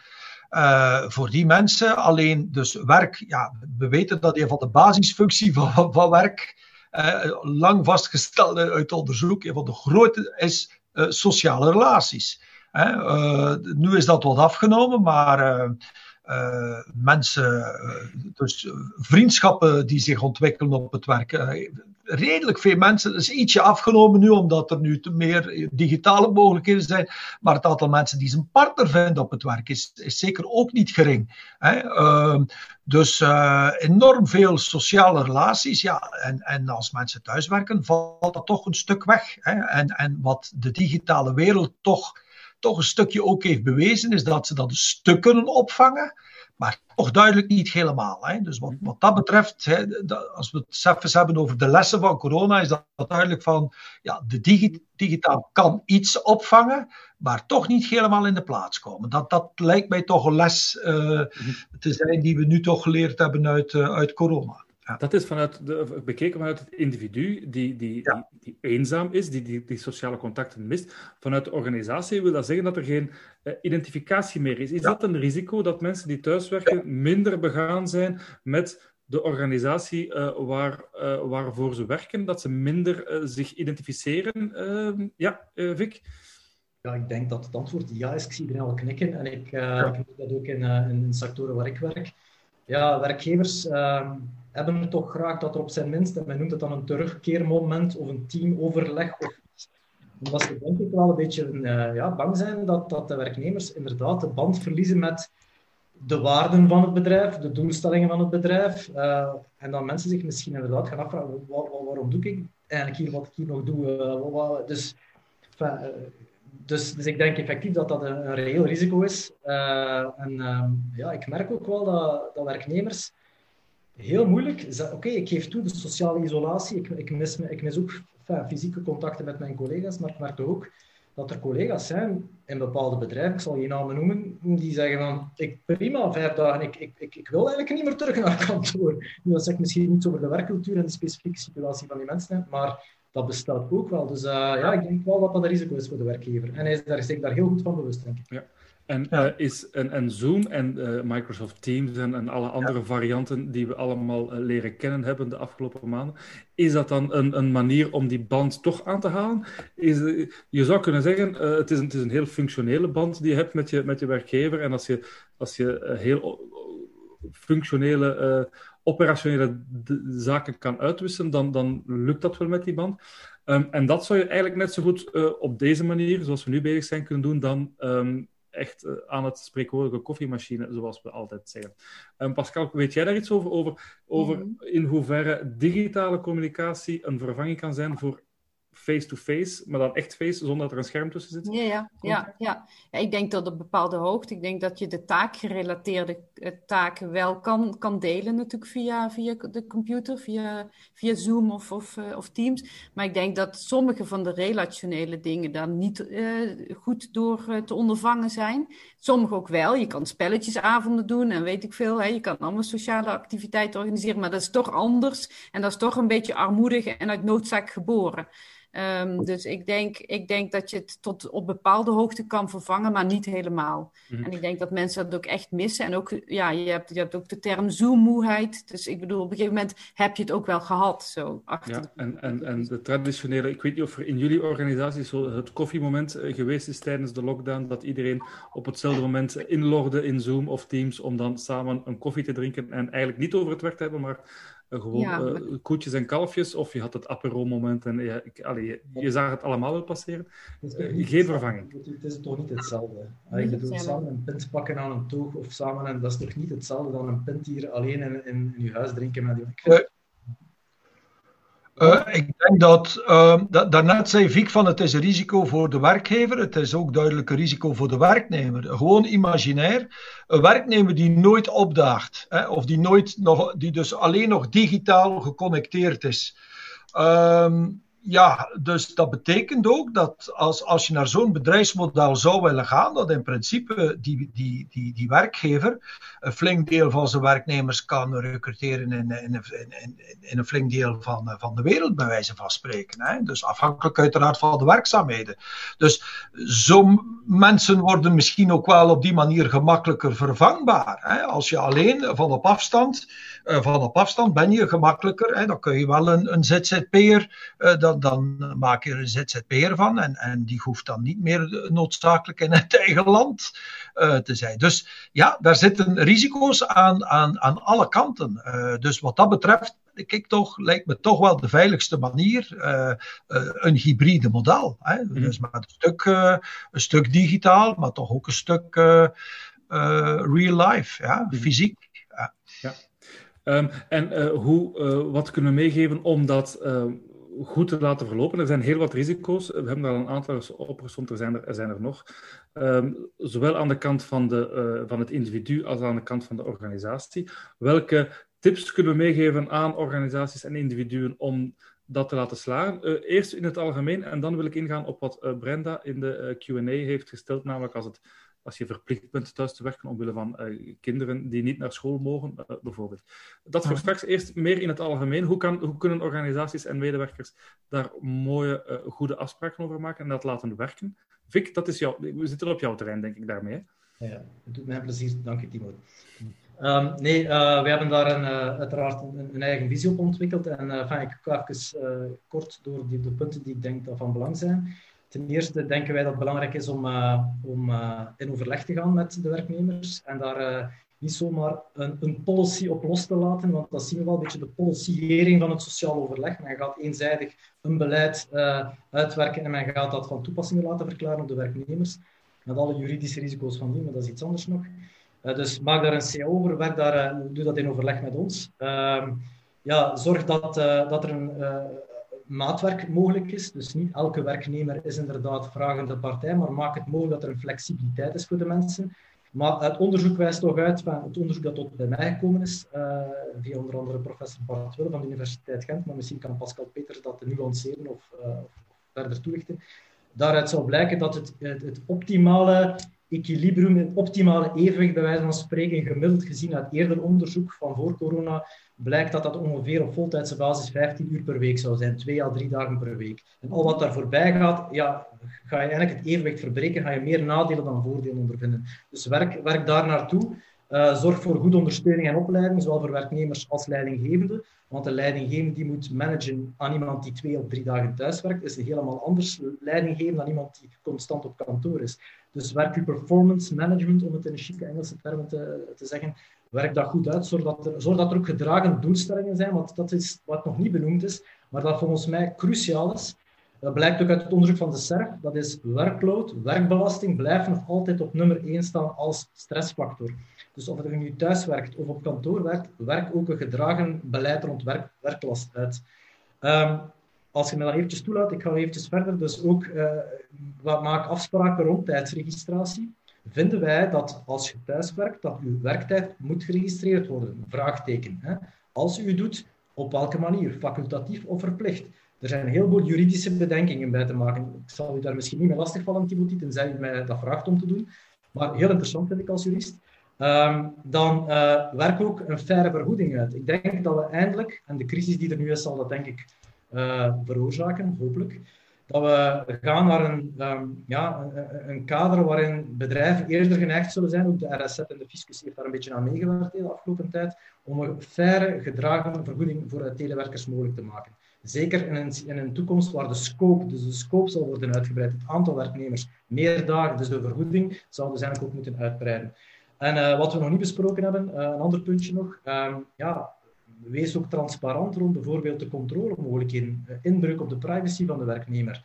Als er veel meer werknemers via de laptop thuis gaan werken, ik, ik hoor toch, nog niet in België gelukkig, maar toch in bepaalde Anglo-Saxische landen, toch al grote bedrijven, waar ja, computers meten hoe lang dat je voor je laptop zit, uh, gezichtsherkenning. Mm. Dat lijkt allemaal uh, sci-fi, maar dat is al realiteit. Dus werk daar ook een transparant en, uh, en gedragen beleid over uit, dat niet disproportioneel is en dat niet disproportioneel ingaat tegen de privacyrechten dat zijn een aantal dingen die ik toch uh, denk dat belangrijk zijn om, uh, om, om te ontkaderen. Ik stel voor dat we er een aantal van bespreken. Uh, de, de, de, de wetgeving rond arbeidstijd, die gaan we even overslaan. Al was het maar omdat die waarschijnlijk in, in Nederland ken ik ze niet, in, in België ken ik ze een beetje. Um, maar uh, er zijn waarschijnlijk al verschillen waar we dan eerst al moeten op ingaan. Dus dat gaan we, die, gaan, die gaan we laten. Uh, een andere discussie. Als Xander nog aan het meeluisteren is, uh, we zetten daar wel eens een, een ander debat over op. een van de dingen, en, Pascal, dat is dan eentje voor jou, want dat is dat je helemaal aan het begin ook zei, vertrouwen. Vic gaf aan van, kijk, er zijn mogelijke technologische mogelijkheden om mensen in de gaten te houden, om te weten hoe lang ze precies aan die laptop hebben gezeten. Um, dat is controle, uh, maar dat uh, lijkt me weinig uh, vertrouwen te zijn. Mm. Um, wat, wat, kunnen we daarover zeggen? Is dat, is dat een, een, een, goede praktijk vanuit een, vanuit een werkgever om mensen zo te gaan controleren, of werkt het eerder nou, averechts? Ja, wat mij betreft niet. Maar ik weet wel dat het aantal surveillance um, technologische zaken, hè, dat de verkoop daarvan is toegenomen. Dus er zijn wel organisaties die dus gaan monitoren. Um, daar ben ik zelf niet zo voor. Dus ik denk eigenlijk veel meer dat je mensen vanuit bevlogenheid uh, voor het werk uh, moet motiveren om het werk gewoon te doen. En je ziet gewoon bij het nieuwe werk ook dat mensen dat ook graag doen. En dat je daar eigenlijk helemaal geen, uh, geen monitoring, monitoring systeem voor nodig hebt. Als je inderdaad maar duidelijke doelstellingen hebt. En ook uh, feedbackmomenten hebt. En, en, en mensen op andere manier uh, indirect wel kan motiveren. En ook ja, natuurlijk kan prikkelen om iets te doen wat in het belang is van de organisatie. Dus ik ben daar, ik, ik ben er huiverig voor. Maar ik, ik ben er ook niet gerust op dat het alleen vanzelf goed komt. Dat bedrijven dat niet gaan doen. Dus ik denk dat Vic een heel goed punt heeft dat we daar echt afspraken over moeten maken. En dat we moeten kijken wat, wat binnen, de, hè, binnen de juridische mogelijkheden van een bedrijf is, maar ook waar ze over de grens gaan, waar ze eigenlijk te veel inbraak eh, of inbreuk doen op, op de privacy van mensen. Mhm. Ja, ik denk dat er heel veel andere mogelijkheden zijn om mensen te motiveren voor het werk die veel vriendelijker zijn en ook veel productiever uiteindelijk. Samengevat, je moet, er moet ergens een grens zijn, maar sowieso is het al geen goed idee uh, om, het, om, om ermee te beginnen. Ja, maar mag ik, uh, mag ik daar even op aansluiten? Want allee, ik merk toch weer wat, wat ja, tegenstrijdigheid, conflict. Ik vind het een beetje raar om, om beginnen te pleiten voor tijdsregistratie. We hebben eigenlijk die, die tijdsklok uh, ja, ja afgeschaft als een soort relict op, op, de, op, de, op de werkvloer. Hè. Denk maar aan, verwijzen we naar Frank van Wassenhoven. Hij was een grote verwezenlijking, dus de, de tijdsregistratie op de werkvloer bij de ambtenaren afgeschaft. Om het dan via de achterdeur bij het thuiswerk weer eh, te installeren. Ja, dat, dat lijkt me toch een moeilijke. Hè. Dus als men zegt, kijk, het moet gebaseerd zijn op vertrouwen. Ik ben daar uiteraard volledig voor. Maar de, beste, de gemakkelijkste manier daarvoor is, uh, is als je werkt vanuit output. Hè? Dus dit, dit is eigenlijk de globale output die we verwachten. Ja, dat hoef je niet meer te controleren. Hè? Ik bedoel, dit is dan, dat wordt er eigenlijk altijd gecontroleerd, maar op de output. Nu, men moet goed beseffen, gaan we die, gaan we die richting uit? Ja, dan, dan krijg je toch, ja, dan, dan, wat ga, wat, waarover spreken we dan nog wat betreft arbeidstijd? Dus uh, dat wordt volgens mij wel een issue, want dan, dan zit je daar op die grens tussen zelfstandige en werknemer, want een van de essentiële elementen van de werk is toch het aantal uren. Ja, dat staat een stuk onder druk. Mhm. Ja? En, en, ja, vroeg of laat uh, zullen daar toch, uh, hè, nu moet de wetgeving al een stukje geweld worden aangedaan of gedoogbeleid. Uh, ja, uh, we, gaan, we, gaan, Jan, we gaan Vic laten antwoorden. Want... Om daarover ja. te debatteren over arbeidstijd. Ja. ja. we zitten daar wel met een issue. Ja, maar, maar, maar, maar, ik begrijp Jan zijn, zijn opmerking. We zijn enerzijds bezig over eh, autonomie en vertrouwen geven en anderzijds toch die tijdsregistratie. Dat, dat lijkt inderdaad... Uh, uh, een echte paradox is het niet, maar, maar het, het, het fit misschien niet helemaal, die twee ik, ideeën. Ook daar zijn oplossingen voor, hoor. Enfin, ik weet niet, want u zei, we gaan daar geen debat over beginnen, maar we zijn nu toch begonnen. Hè. Maar het is inderdaad wel iets cruciaals. En zeker het thuiswerken. Juridisch valt thuiswerk in de strikte zin van het woord, waarbij een werkgever geen gezag uitoefent, strikt gezien over zijn werknemer, niet onder de arbeidsduurreglementering, als dat een basis vast um, maar dat, dat leidt wel soms tot problemen. En ook wij, ja, wij, wij, moeten vaststellen, wij gaan uit van, geef de werknemer zoveel mogelijk vertrouwen en autonomie. Dat is ons uitgangspunt. Ja. We stellen ook vast dat werknemers per definitie langer meer gaan werken. En uiteindelijk is het contract, het basiscontract van een werknemer toch, ik stel x aantal uur per week of per maand van mijn, van mijn leven ter beschikking van een werkgever. Dat is toch iets raars ook, dat een werknemer zegt, ik stel mijn, mijn leven hier, ik, ik ga onder gezag van u gaan werken. En plots moeten we afstappen en gaan, kijk, we gaan niet meer op het aantal uur dat u werkt, maar op de output. Hè?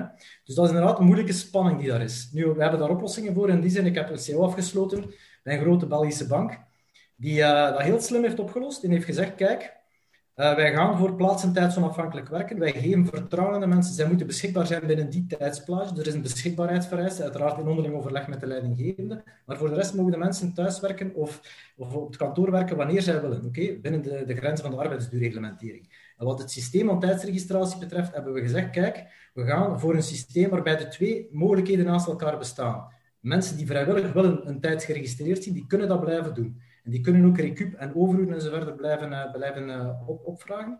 Mensen die dat niet willen, kunnen vrijwillig overstappen naar een systeem zonder tijdsregistratie. Um, en zij, kunnen, zij krijgen daarvoor een forfaitair aantal bijkomende uh, recupdagen in, in ruil, omdat de werkgever ook weet dat, dat die mensen ook meer werken. Nu, wat blijkt, dat de overgrote meerderheid is overgestapt naar het niet meer registreren van de tijd. Hè. Maar, het is ook belangrijk, ze kunnen altijd terugkeren en ze hebben altijd, dat hebben we ook afgedwongen, de, de mogelijkheid voor zichzelf om de werktijd die zij doen effectief thuis of op kantoor te registreren. Waarom? Omdat dat de enige objectieve ja, tool is die we eigenlijk hebben om de werklast te gaan meten. Uh, ik, ik ben, oké, er bestaan natuurlijk risicoanalyses en enquêtes rond werklast, maar eerlijk gezegd, ik ben daar een beetje ook wel in bijgedraaid op basis van de realiteit. De enige echte, echte meet, meettool om werklast te meten blijft nog altijd de arbeidstijd die gepresteerd is. Um, voilà, dus ik denk dat er mogelijkheden zijn om in onderling overleg dergelijke systemen mogelijk te maken, flexibiliteit te bieden en de werknemers de keuze te geven of zij een arbeidstijd registreren of niet. Mm. Uh, ik denk dat, dat, in het kort gezegd, wat, wat, jij, wat jij zegt, is we kunnen niks anders meten dan... de tijd is het makkelijkste dat we hebben om te meten. Uh, werklast is veel moeilijker, dus, moet, dus doen we het op dit moment uh, daarmee bij gebrek, aan, bij, bij, gebrek aan iets anders. Dat is misschien iets te kort door de bocht en met, met zeer weinig respect voor alle arbeidswetgeving rond de arbeidstijd. Uh, wat wat, je daar Er zijn ook, ik zal het niet lastigvallen, maar ik wil toch eventjes zeggen, er zijn ook juridische precedenten. Er is een, Europees, uitspraak geweest van het Europees Hof van Justitie vorig jaar, die nogmaals heeft bevestigd dat het de, de, de verplichting is van de werkgever om een objectief tijdsregistratiesysteem te hebben, niet de plicht van de werknemer. Er is ook een uitspraak van het arbeidshof in Brussel geweest, maar goed, we gaan, we gaan niet in detail daarop ingaan, denk ik. Dat zal een beetje ja. te saai en te, te, te, ver worden, denk ik. Maar goed, ja. wel belangrijk. En, en uh, absoluut, absoluut. Uh, maar ik wil naar Pascal gaan met uh, de vraag van, van Brenda. die zei van, kijk, we hebben, we hebben het gewone thuis... Allee, ik, ik had het daarnet over het gewone thuiswerk en hoe we dat kunnen organiseren. zij haalt heel terecht aan, hier in, in België uh, is uh, beslist dat de herfstvakantie de twee dagen wordt verlengd. En dan krijg je daar de 11 november bij, dus eigenlijk drie dagen langer. Dus zit je plotseling met ja, kinderen die thuis zijn. En ik weet niet hoe oud Brenda haar kinderen zijn, maar die van mij, als ik die hier alleen thuis laat, dan um, is het huis afgebrand en is er een van de twee waarschijnlijk heel erg aan toe. En wat kunnen we daar geven? Wat, zijn manieren, vraagt zij, voor werkgevers om werknemers te ondersteunen tegemoet te komen in die ja, uh, heel moeilijke momenten die ieder, elk gezin nu wel meemaakt. Kan je daar een aantal, en ik weet, u kunt waarschijnlijk drie uur antwoord geven aan Brenda, maar kan je een aantal punten daarvoor halen die heel belangrijk zijn? Nou, ik weet dat in Nederland is er een onderzoek uitgevoerd onder ouders in de tijd van de eerste wave. En dan bleek dat bijvoorbeeld uh, dat, dat met, met name de moeders dus eigenlijk de schooltaken thuis gingen verrichten, terwijl de, de vaders dan eigenlijk doorwerkten zoals, hè, zoals gewoonlijk. En, en het gevaar van, de, van deze situatie is dus eigenlijk dat genderpatronen weer terugvallen op traditionele, traditionele patronen. En ik zou, als, ik, als, als, als een moderne werkgever, zou je eigenlijk willen dat mannen en vrouwen allebei de mogelijkheid kregen en ook nemen om deze taken op zich te nemen. En dat je daar ook wel oog voor hebt als werkgever, dat het niet vanzelfsprekend de vrouw is die deze taken heeft. Maar natuurlijk moet je ze wel tegemoet komen. Ik denk dat het heel belangrijk is dat, dat werkgevers ook begrip hebben voor de privé-situatie. En het, het woord maatwerk is net ook al genoemd. Ik denk gewoon dat je maatgesneden oplossingen moet zoeken voor ouders in het algemeen. Dus niet alleen maar moeders, maar ook vaders. Om, om deze ja, toch wel bijzondere situatie waarin je opeens drie dagen langer uh, um, herfstvakantie hebt, dat je dat met elkaar eigenlijk op, oplost. Dus dat in goed overleg met de werkgever en de, en de, en de werknemer. En, en kijken hoe je dat op een eerlijke manier, uh, zonder dat je terugvalt in oude patronen, uh, kan oplossen met elkaar.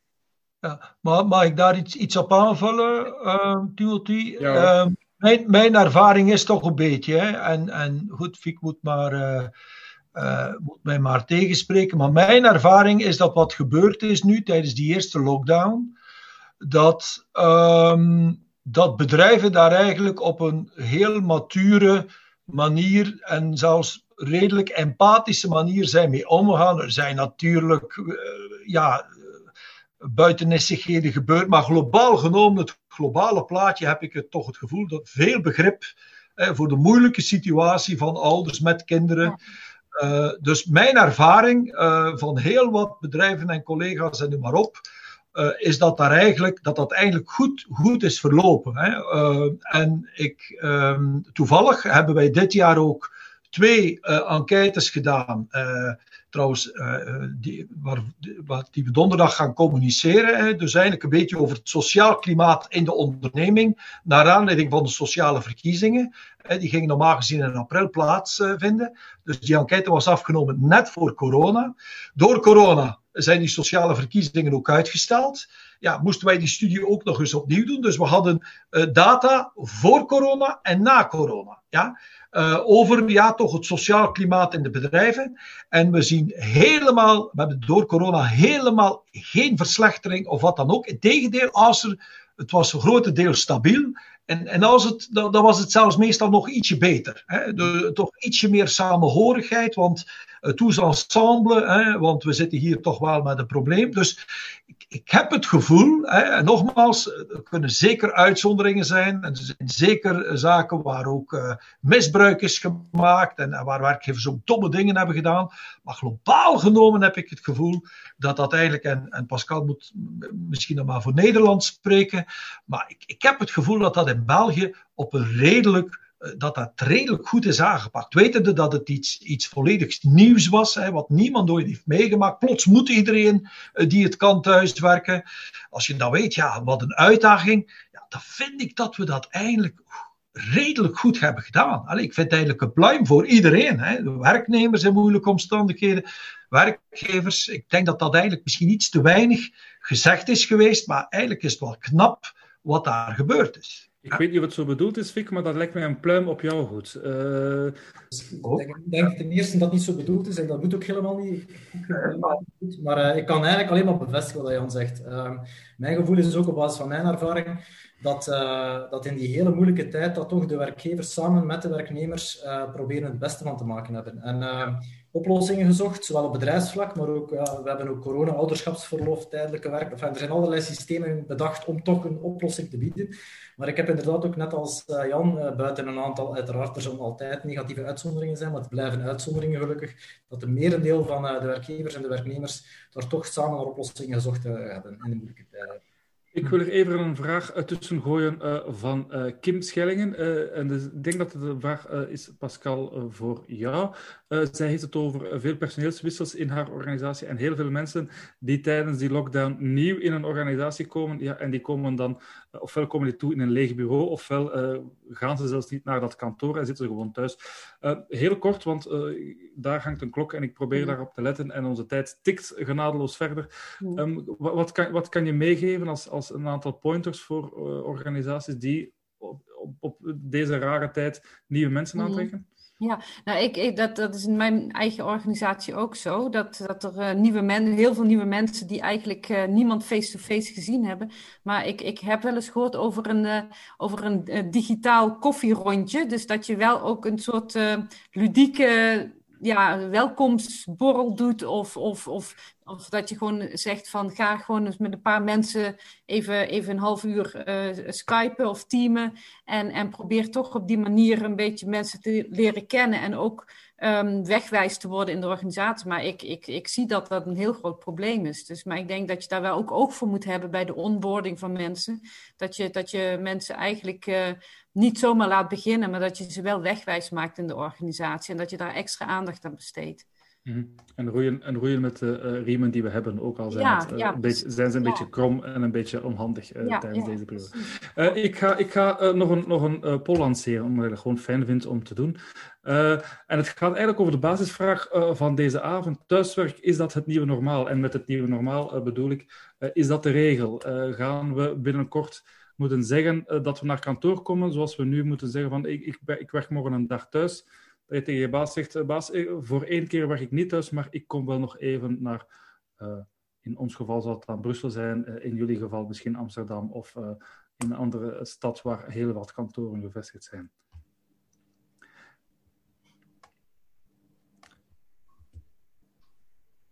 Er zijn nog maar 15 van de 26 mensen die gestemd hebben. het, het wordt waarschijnlijk een beetje laat op de avond en de mensen hebben geen zin meer om te klikken. Voilà, daar zijn er nog een paar. Uh, wat denken jullie? Uh, het nieuwe normaal. Um, ik had het daarnet over de, de, de hippe uh, social media bedrijven in Silicon Valley en dan de hippe Franse autobouwers. Um, nee. nee. nee. En waarom niet? Nee. nee. het wordt niet het nieuwe normaal, nogmaals. ook ter, ter, respect van dus die, de, nog altijd de meerderheid trouwens, die het niet kan, hè, die niet eens kan thuiswerken dat is in België 60 procent. Uh, dus, uh, dus voor, naar hen bekeken lijkt het mij een beetje raar om te zeggen dat wordt het nieuwe normaal. Als we het dan hebben over die 40 procent, ook dan wordt dat niet het nieuwe normaal. Uh, dus een groep wil, is sowieso geen voorstander van, van thuiswerk. Dat is een redelijk kleine groep wel. dus dat, dat heeft corona toch ook wel een stuk. Maar van die groep die thuiswerkt, blijft er een kleine groep die dat eigenlijk uh, volledig wil doen of, of nog één dag in de week. Hè. Dus ik denk dat de meerderheid toch gaat naar uh, twee, drie dagen. Uh, dus een, een mixed, een hybride model. Uh, wordt dan voor die groep meer normaal dan te zeggen thuiswerk wordt het nieuwe normaal. Dus wat mij betreft is thuiswerk zeker niet het nieuwe normaal. Jan, ik uh, heb je al twee keer uh, gezegd dat je helemaal in lijn zat uh, met wat onze deelnemers denken. spijtig genoeg moet ik je nu zeggen dat 65% van de mensen het niet eens is met u. Die vinden wel dat het het nieuwe normaal zal worden. Dus zo, zo, zie je maar dat het ook kan keren. Um, ja, maar ze mogen nog opnieuw stemmen, hè, namen een uitleg. wat denken jullie? Uh, Pascal, misschien heel even uh, naar jou. Wat, wat denk jij? Is... Ik was het wel eens met Jan. Ik denk dat er eigenlijk wel een hybride vorm komt van twee tot drie dagen misschien thuiswerken. En, maar dat je eigenlijk toch wel weer een aantal dagen terug naar kantoor gaat. Gewoon voor het sociale aspect, voor de cre creatieve processen, voor de overleggen waar je echt elkaar toch veel makkelijker, uh, hè, wat veel makkelijker gaat als je elkaar ziet. Maar mhm. ik denk dat het niet meer zo voorbehouden is aan. Ik ben het ook eens met, met Jan. In Nederland is het ook ongeveer 44 procent die nou thuiswerkt. Er zijn gewoon heel veel mensen die het ook nog steeds niet, nu niet kunnen. Dus wat dat betreft geldt het ook niet voor iedereen. Maar als je het over kenniswerkers hebt, denk ik dat we een soort hybride vorm gaan krijgen. En niet uh, volledig thuiswerken. Ik zou dat ook geen enkele organisatie aanraden om het kantoor gelijk af te schaffen. Want ik denk dat dat een belangrijke functie heeft. Uh. Mm uh, Vic, ik ga dezelfde vraag aan u stellen, maar ik stel ze ook samen met uh, iemand die anoniem een vraag ook gesteld heeft, die, het, die ook verwijst naar je uitspraak over de KMO's en, zegt van, en zich afvraagt wat de oorzaken zijn dat er minder getelewerkt wordt in de KMO's. controletechnologie. In lijn van deze vraag naar, naar het nieuwe normaal, denk je dat daar um, de... de de drempel zit bij die kleinere organisaties, die middelgrote ondernemingen, die kleine ondernemingen? Ik, ik, uh, voor duidelijkheid, ik, uh, ik, uh, ik steek geen enkele beschuldigende vinger uit richting werkgevers uit de KMO-sector als ze onwillig zouden zijn of zo. Maar ik denk dat gewoon qua kosten, batenefficiëntie, misschien eerder, eerder de technologie, de investeringen en zo, eerder, enfin, eerder bij de grotere of de middelgrote bedrijven is waar die, die vooruitgang is geboekt. Nu, ja, ik, ik, wil niet saai zijn, ik wil, het, ik wil niet zorgen dat er uiteindelijk geen debat is, maar ik ben het eigenlijk met de vorige sprekers wel eens. En ik denk ook dat we gaan naar een hybride model. Dat is ook wat, wat wij zelf zullen aanraden aan onze onderhandelaars. Uh, gaan naar twee à drie dagen per week. Maar zorg wel dat de scope, het aantal mensen die, die het kan, die er kan instappen, zo breed mogelijk groter wordt gemaakt. Dus het potentieel, hè, uh, Jan sprak al, 6 op 10 kan vandaag eigenlijk niet thuiswerken. Dat blijkt uit onderzoek. Misschien dat dat de komende jaren door technologische ontwikkelingen naar, naar 5 op 10 zal gaan. Maar ja, dan heb je nog 20 à 30 procent die in de toekomst meer zal thuiswerken. En ik denk, als ik mijn glazen bol hier oppoets en kijk wat, hoe het er zal uitzien, denk ik dat we binnen vijf jaar meer mensen zullen hebben die werken. Dus waar we nu 20 procent zitten, dat we aan 30, 40 procent wellicht zullen zitten. Dus meer mensen, meer dagen, maar twee à drie dagen per week. Ik denk ook, en waar wij naartoe willen gaan als vakbond, is ook dat we eigenlijk uitgaan van iedereen heeft recht op telewerk. Behalve, en dan som je op waarom dat bepaalde mensen niet kunnen telewerken. Hmm. Dus dan eigenlijk afstappen van, jullie hebben het privilege, jullie, die, die geselecteerde groep. Nee, nee, jullie hebben bij wijze van spreken, iedereen heeft als uitgangspunt het recht om een aantal dagen te telewerken, op vrijwillige basis uiteraard. Maar als je, dat, uh, als je zegt als werkgever, kijk, voor die mensen kan het niet, dat je dat ook motiveert waarom. waarom. Ja, en dat sluit ook aan bij de, bij de opmerking of de vraag uh, van Guy. Uh, die zegt van in welke mate kan je als werknemer meestappen in het verhaal? Te zeggen in welke mate kan je als werknemer ook zeggen van kijk, mijn baas vindt dat telewerken, mijn baas is het eens met de meerderheid van de deelnemers en niet met de meerderheid van de panelleden. En zegt nieuwe werken is, of het, het thuiswerken is bij ons het nieuwe normaal. Als werknemer uh, jij pleit er dan heel duidelijk voor dat je als werknemer kan zeggen: nee, ik ga wel naar kantoor, want dat is voor mij het, uh, beste. Dit kan ook juridisch niet. Juridisch structureel telewerk, volgens het huidige wetgevend kader, kan enkel op vrijwillige basis. Een werknemer kan nooit structureel verplicht worden om, tele, om te telewerken. Dus wat ons betreft moet de werknemer in de toekomst altijd het recht hebben om 100% op kantoor te gaan werken. Uh, maar hij, moet, hij, hij, mag wel de, op vrijwillige basis dan x aantal dagen per week, naar gelang zijn keuze en in overleg thuis. Mm -hmm. Uh, jullie, jullie zijn, alle, zijn het er heel erg over eens dat uh, telewerk, thuiswerk niet het nieuwe normaal zal worden, maar dat we naar een hybride model gaan gaan. Um, wat is de impact dan geweest van deze crisis, van deze lockdown? In het begin zeiden we, alle organisaties gaan nu eindelijk is leren dat telewerk veel beter of, of, veel breder mogelijk is dan dat ze altijd al gedacht hebben. Dit gaat, een, dit gaat van de evolutie een revolutie maken, dit gaat het allemaal versnellen. Ehm, dat, dat hoor ik niet terug in, in, in jullie antwoorden. Vic? Ja, dan, dan, dan, dan heb ik mij misschien verkeerd uit. Ik vind wel dat, dat uh, corona wel echt een versnelling met zich meebrengt. Hè. Maar het is niet zo dat plots iedereen, of, of zes of zeven of acht of tien van de mensen die in België werken, plots allemaal voltijds thuiswerken. Dat gaat helemaal niet zo zijn, dat zou ook niet goed zijn. Maar ik vind wel dat corona, ik denk dat corona zal uitwijzen dat dat echt een accelerator is geweest in heel de thuiswerkevolutie. Daar ben ik wel van overtuigd, ja. Mhm. Ja, dat, dat, is, dat staat eigenlijk al vast. Hè. Ik denk dat mijn eerste interventie hier was om te zeggen van we zijn gestaag, we zijn sinds 2000 jaarlijks aan het stijgen wat betreft het aandeel mensen die dus thuis werken. Maar uh, corona heeft daar een turbo op gezet. Corona heeft in één jaar gezorgd wat we, waar we wellicht anders nog twintig jaar hadden over gedaan. Hè, dat is ongeveer de verhouding. Um, ja, uh, dus dat, dat is onmiskenbaar. Uh, maar ik, pleit toch voor een klein beetje voorzichtigheid. Uh, voor een heleboel bedrijven en ook voor mensen is het een nieuw fenomeen. Dus ik, ik denk dat we toch nog een paar jaar moeten wachten, een beetje bescheiden zijn. Want ik denk dat ook nog een aantal nadelen uh, met de tijd meer tot uiting zullen komen. Waar wij, een aantal dingen die nu ook al benoemd zijn geworden. Denk maar aan sociale cohesie, noem maar op. Dus uh, ik kan me goed voorstellen dat je een beweging krijgt. Uh, en dat je na verloop van tijd dan toch nog een stukje uh, terugkeer krijgt. Maar zeker niet meer naar het oude niveau. Hè. Dus dat denk ik is uh, onmiskenbaar. En dat, dat kun je bewijzen door te kijken pre-corona. Pre-corona was het ook al aan het stijgen. Dus, dus we gaan zeker niet terug naar, ja, naar de goede oude tijd. Dus dat, dat lijkt mij, ja, dit lijkt mij definitief verworven. -hmm. Uh, Pascal, in, in, in uh, Nederland uh, was er al meer thuiswerk.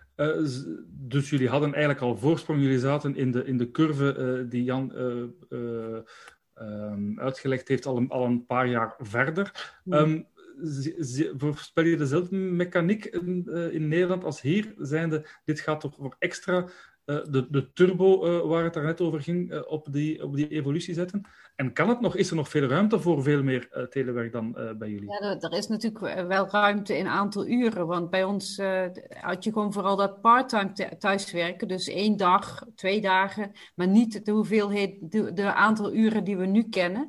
En ook niet de aantal mensen. Dus ook inderdaad de scope wordt breder. Dus, maar het blijft inderdaad bij, wel bij, vooral, bij kenniswerkers die, die, die op afstand kunnen werken. Maar ik denk wel dat de ICT-infrastructuur nu aannoemelijk of, uh, enorm is verbeterd. En dat als die er eenmaal ligt, dat we daar ook gewoon efficiënter en meer mee om kunnen gaan. En, mm. en um, het heeft ook dus bij ons een hele grote versnelling uh, teweeg gebracht. Ja. Ook bijvoorbeeld bij blended learning. En dus in het onderwijs zie je dit ook. Dat had je voorheen niet. Dat zou je ook niet kunnen verkopen. Maar nu is het gewoon iets wat ook, um, ja, als het, als het uitkomt, ingezet kan worden. Ook in de toekomst, wanneer het. Uh, coronavrij is. Mm -hmm. Ik denk dat het voor sommige mensen een voordeel is. Ja. Niet, niet te vergeten, dat is denk ik een, een, element dat we nog niet hebben aangekaart in het debat.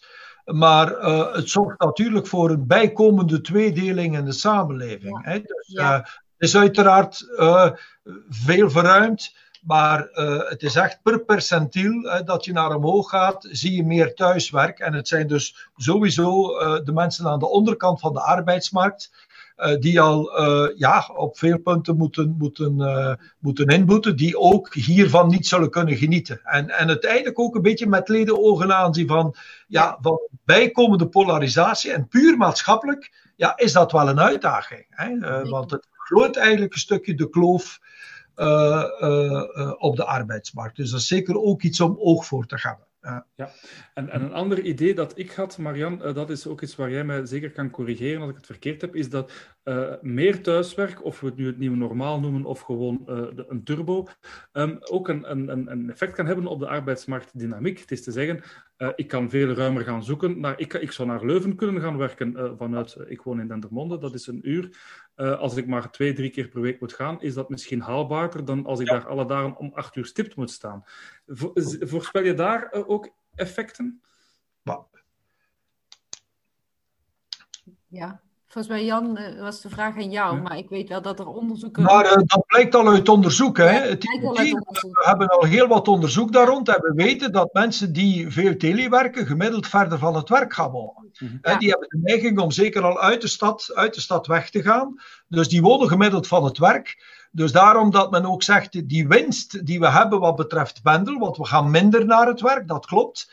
Maar dan blijkt dan wel die gemiddelde afstand soms weer toe te nemen. Dus, Dus ja, Even lang in de auto per week. Ja. Ja, Pascal, jij wil zeggen, jij wil zeggen over onderzoek? Ja, nee, daar is inderdaad al in de jaren negentig onderzoek naar gedaan door Patricia McTarian in Amerika. En dat heet urban sprawl. Dus dat betekent inderdaad dat mensen juist verder van huis gaan, van het werk gaan wonen op het moment dat ze thuis kunnen werken. Dus dat is precies wat Jan zegt. eh, ja.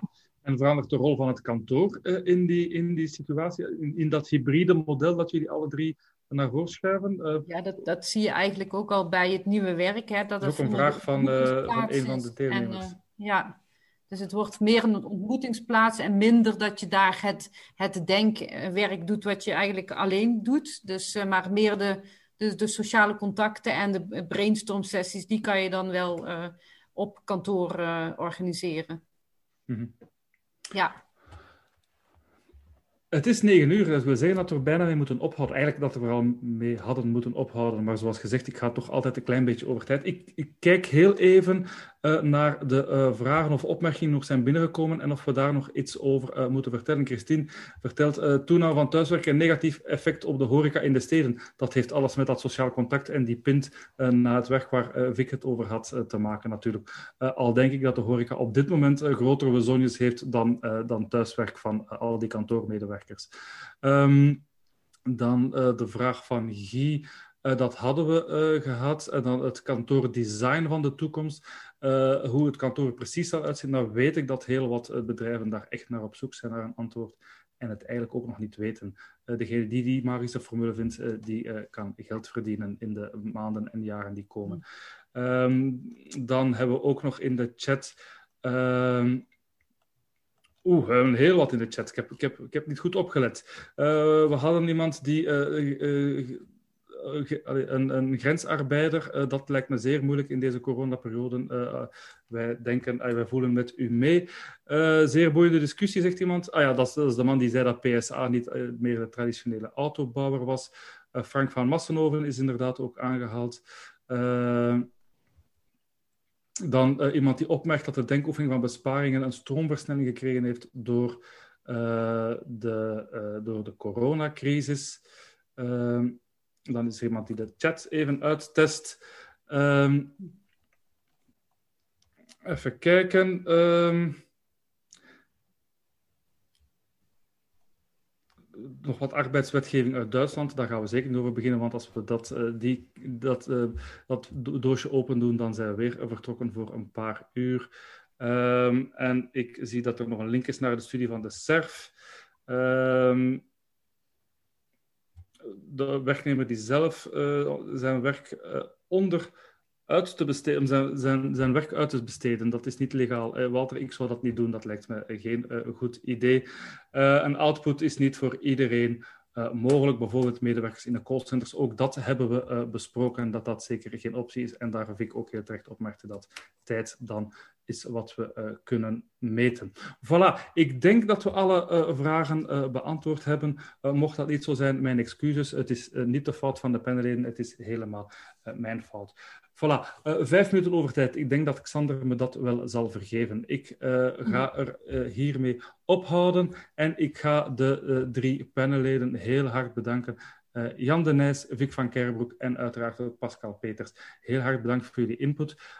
we zijn er door, met een rotvaart doorgegaan. We konden waarschijnlijk nog een paar uur verder gaan, maar ik denk dat er dan heel wat mensen zouden afhaken. Het is nu eenmaal vijf na negen s'avonds heel erg bedankt. Xander, het woord is uh, nog heel even aan jou. Normaal gezien is dit het moment waarop jij ons uitnodigt voor de receptie, dacht ik. Hè? Uh, mogen wij iets verwachten?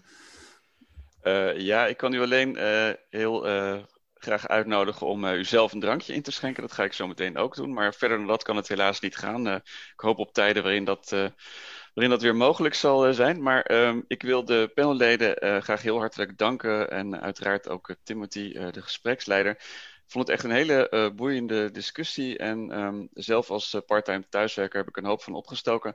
ik denk ook dat er verschillende zaken aan bod zijn gekomen die uitnodigen eigenlijk alweer tot een, tot een volgend debat. Um, ik ben zelf ook als programmamaker van de buren heel blij met ja, dat die vergelijking tussen Vlaanderen en Nederland ook zo mooi uh, aan bod is gekomen in, in de discussie. Um, dus ja, ik kijk uit naar een vervolg. iedereen die hier vandaag aanwezig is, zou ik zeggen, hou onze website, nieuwsbrief, sociale media in de gaten daarvoor. Ik kan op dit moment nog niet verwijzen naar een programma wat hier mooi op aansluit. Wat over telewerk of de arbeidsmarkt zelfs maar gaat. Maar ik wilde jullie toch wijzen op een paar programma's die er aankomen van de buren. online programma's. momenteel is dat doorgaans, doorgaans het geval. Zoals bijvoorbeeld morgen hebben we een korte lezing in onze reeks Moeilijke Dingen Makkelijk Uitgelegd. met als vraag, de vraag centraal staat, wat is gendersensitieve geneeskunde? Daar kunt u eerst, wordt daar iets over verteld. Vervolgens is er gelegenheid vragen te stellen. We hebben um, uh, donderdag, we hebben de dag, uh, woensdag hebben we een debat. hoe ziet het sociaal werk van de toekomst eruit? we hebben aanstaande donderdag hebben we online nieuwe editie van onze speech battle, waarin het publiek bepaalt wie van de drie finalisten door de jury uitgekozen de speech battle van dit jaar wint. dus ik zou zeggen, kom daar naar kijken en uh, breng je stem uit. En we hebben, uh, daar zal ik het even bij laten, we doen uh, zaterdagavond doen wij mee als de buren, dat doen we een aantal jaar mee aan de Nacht van de Geschiedenis in het Rijksmuseum in Amsterdam. Die dit jaar noodgedwongen geheel online plaatsvindt. Maar daar is ook een heel mooi programma te zien online. Dus ik zou zeggen, um, mocht u vervelen de komende week, kijk zeker op onze website en um, schrijf je in of kijk hoe je de livestream kan volgen. Um, ja, dan uh, sluit ik hierbij uh, heel graag af. En uh, allemaal dank ook publiek voor de vele interessante vragen. En ehm, ik zie jullie graag allemaal een volgende keer bij de buren. Dank u wel. Je luisterde naar een podcast van De Buren, het Vlaams-Nederlands Huis voor Cultuur en Debat. Benieuwd naar ons literaire aanbod? Luister dan ook naar radioboeken, citybooks en andere audioverhalen. Ontdek ons podiumprogramma en al onze digitale producties op www.deburen.eu.